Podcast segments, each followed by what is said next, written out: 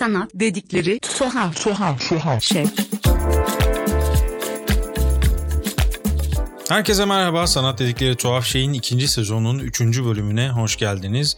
Bugün çağdaş sanatı anlamak adına popüler kültürün önemli taşlarından bir tanesi olan sinemadaki süper kahraman filmlerine ve aslında özellikle Marvel filmlerine değinmek istiyorum. Bu e, kısa bir bölümde aslında bugün içinde yaşadığımız e, toplumun ve içinde bulunduğumuz sanat ortamının belli dinamiklerinin aslında sinemada nasıl daha önceden e, hayat bulduğunu ya da bugün süper kahraman filmleri üzerinden nasıl bir ikincil etkiyle oluşmaya başladığını anlatmak istiyorum. Öncesinde belki e, Marvel evreni üzerinden bunu taşıyacağım için belki bunun bir öncesine bakmak gerekiyor. Bu planlama yani Marvel'ın bugün e, devam ettirdiği film serileri, süper kahraman film serilerinin planlaması aşağı yukarı 2005 civarında başlayan bir süreç.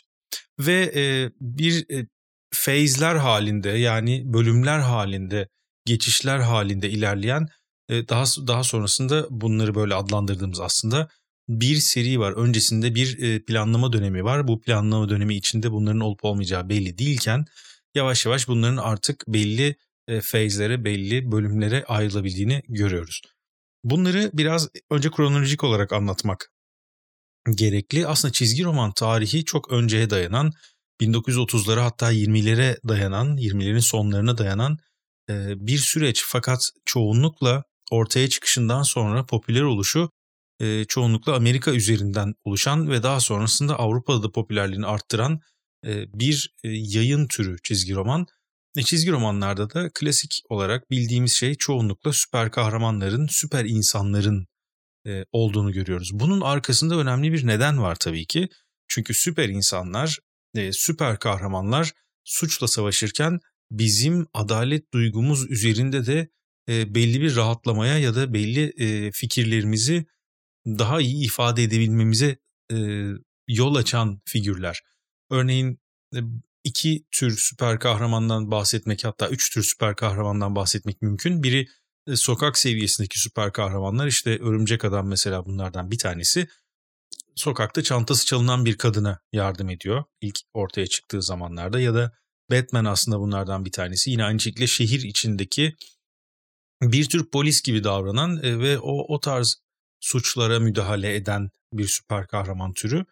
Bir üst tarafı artık daha büyük işte e, dünyayı ya da ülkeleri e, tehlike altına alan e, süper kötülerle mücadele eden ve artık belli mutant güçlerine ya da süper insan özelliklerine sahip kahramanların örneğin X-Men çizgi romanları buna bir örnek.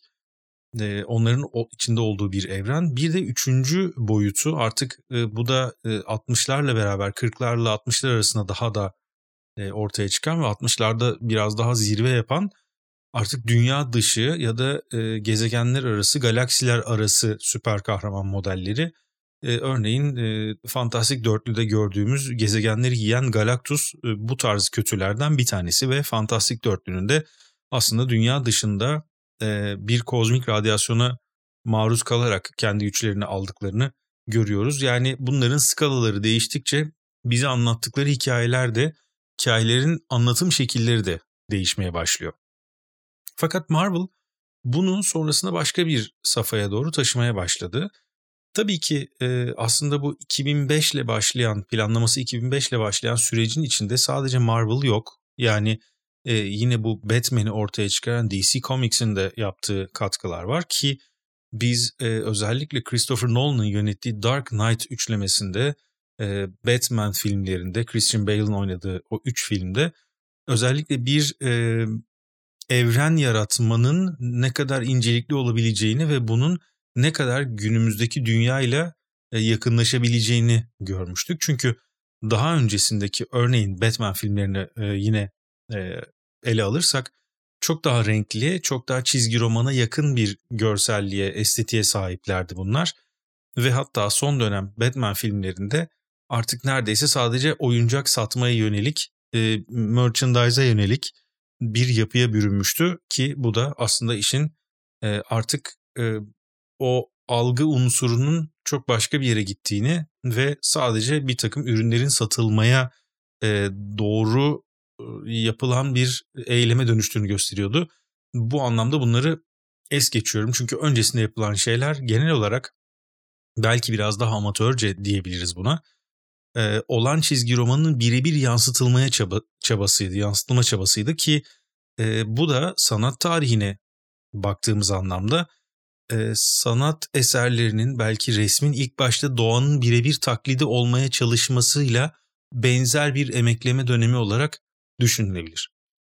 2005'e gelindiğinde ise Marvel artık bunu farklı bir mantıkla e, anlamaya başlamıştı ve bir planlama yaparak bu süper kahramanları farklı bir yapıda birleştirmeyi düşünüyordu. Bunun için 2008 yılında e, Robert Downey Jr.'ın e, Iron Man olarak gördüğümüz, Tony Stark olarak gördüğümüz Iron Man filmi ortaya çıktı.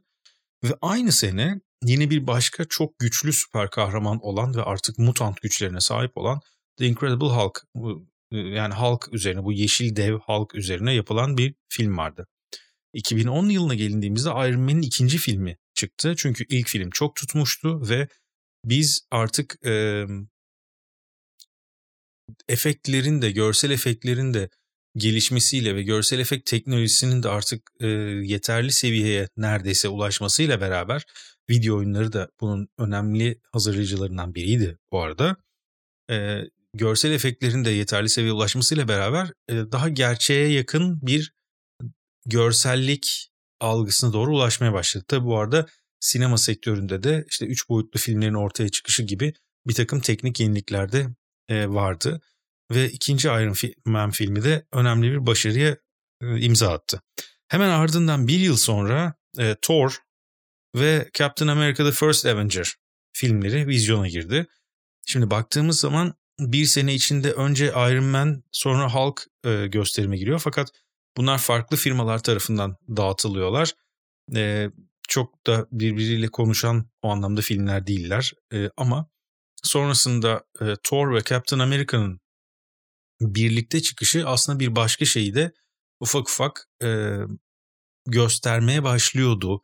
Ki bu birinci feyzi bitirdiğini e, düşündüğümüz, o şekilde ifade edilen 2012 yapımı The Avengers filminde de biz ilk defa bu tarz süper kahramanların bir araya gelerek bir crossover dediğimiz bir arada bulunarak e, oluşturduğu bir film yapısını gördük. Aslında e, bunun temelleri 70'lerde bulunabilir. Özellikle fantastik Türk sinemasında işte 3 Süpermenler gibi e, ya da 3 Süpermenler olimpiyatlarda gibi e, enteresan film serilerinde biz farklı süper kahramanların bir araya gelmesini görüyorduk. Fakat bunların hepsi bağımsız ve amatör sayılabilecek işlerdi. Ama burada ilk defa Marvel e, kendi işi içine girerek bir crossover'a çizgi romanlarda defalarca yapmış olduğu bir crossover'a sinemada girmiş oldu. Ya böylece ikinci feyze, ikinci bölüme başlamış kabul ediliyor filmler. E, bu 2013 yılında Iron Man 3 ile başlıyor ve hemen aynı yıl The Thor, Thor The Dark World e, vizyona giriyor.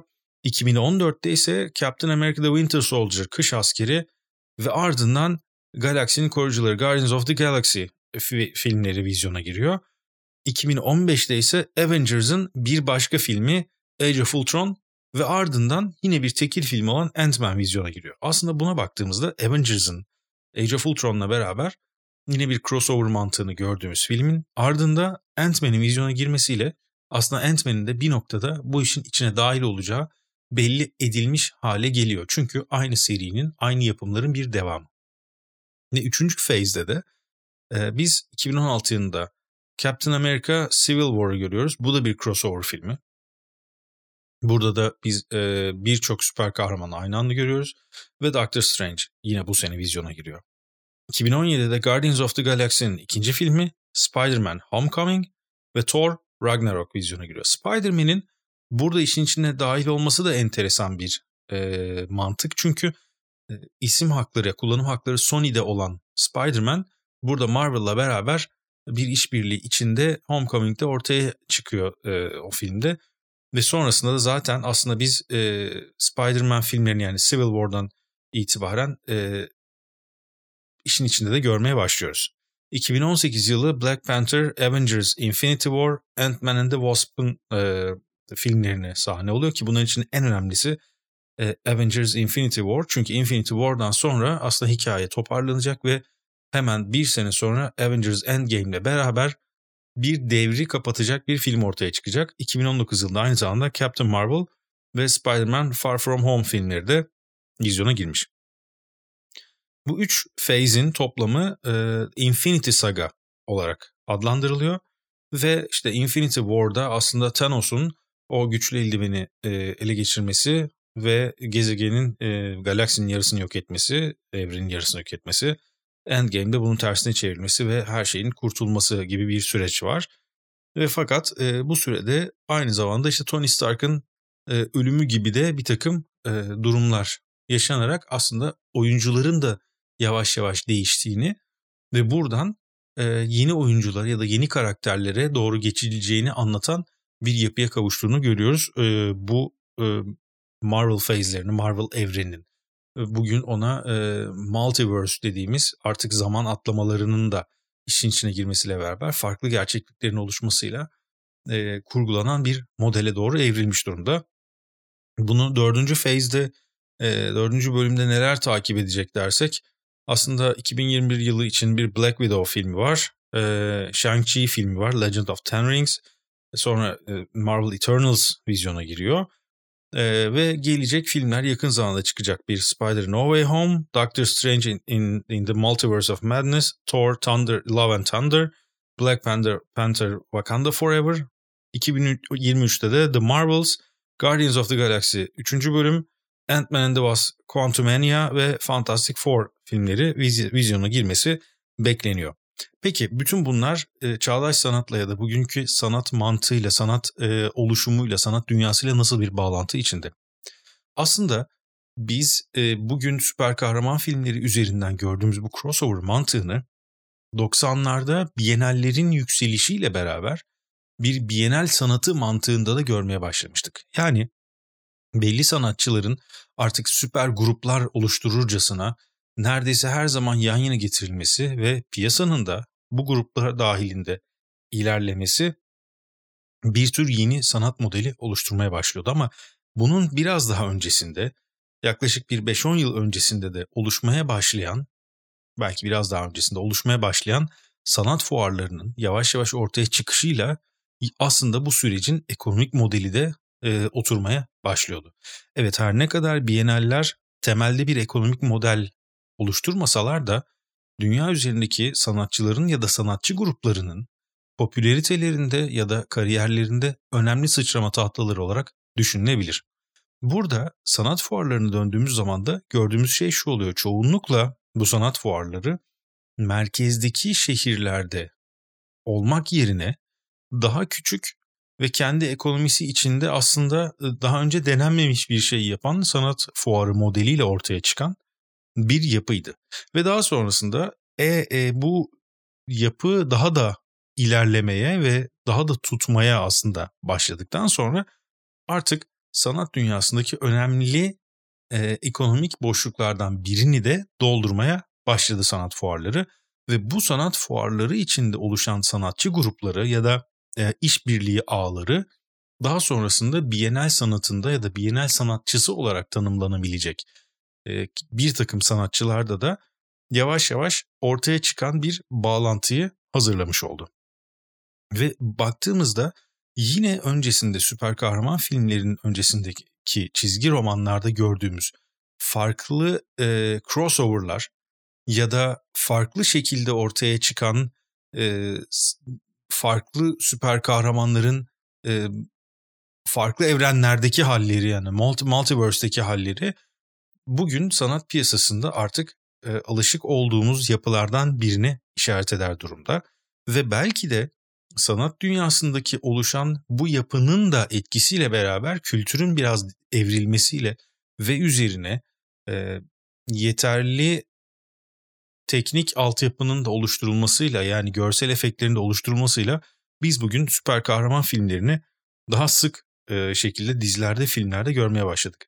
Ve, ve yine bir, bir sebebi de bunun e, aslında bu sistemin devamını sağlayabilecek bir yöntemi de ortaya çıkartmakta. Çünkü bugün e, artık dijital platformlar formlar üzerinden yayın yapan bir e,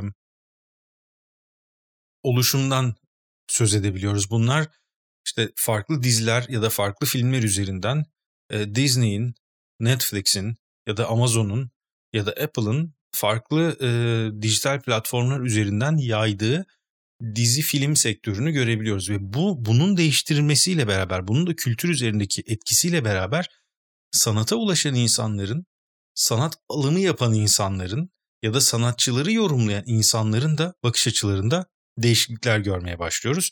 Ve böylece aslında biz kültürü sadece ya da san, kültür sanat sektörünü sadece sanatçılar ya da yapıtlar üzerinden değil, aynı zamanda çevresel olan bütün işler, işte süper kahraman filmleri ya da toplumsal değişimler gibi farklı yapılar üzerinden de okumaya başlıyoruz.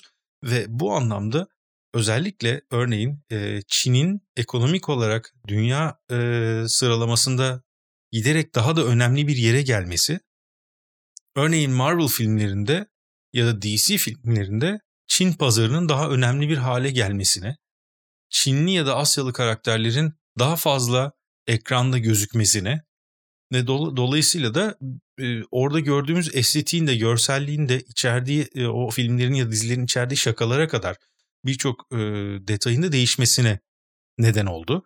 Ve yine böyle baktığımızda bugün e, sanat ortamında da ve özellikle e, müzayedeler tarafından olaya bakıldığında Çinli koleksiyonerlerin ya da Asya tarafından yatırım yapan insanların neredeyse bir dönem e, Arabistan Yarımadası'ndaki ülkelerin yaptığı yatırım kadar hatta daha fazlasını e, yapabildiğini görüyoruz. Çünkü ekonomik olarak da değişen bir takım şeyler var ve bunun da tabii ki etkilerini biz doğal olarak sanat piyasasında ya da sanatsal üretimde, sanatçıların üretiminde, formda, renkte, işlerin tekniğinde ve işlerin anlatım şekillerinde de yavaş yavaş görmeye başlıyoruz.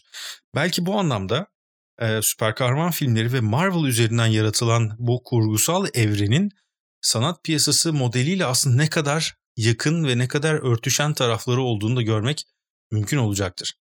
Sanat dedikleri tuhaf şeyin ikinci sezonunun üçüncü bölümünde çizgi romanlar üzerinden sanat piyasasını ve sanat ortamını özellikle Marvel e, sinemasındaki oluşum üzerinden konuşmaya çalıştım.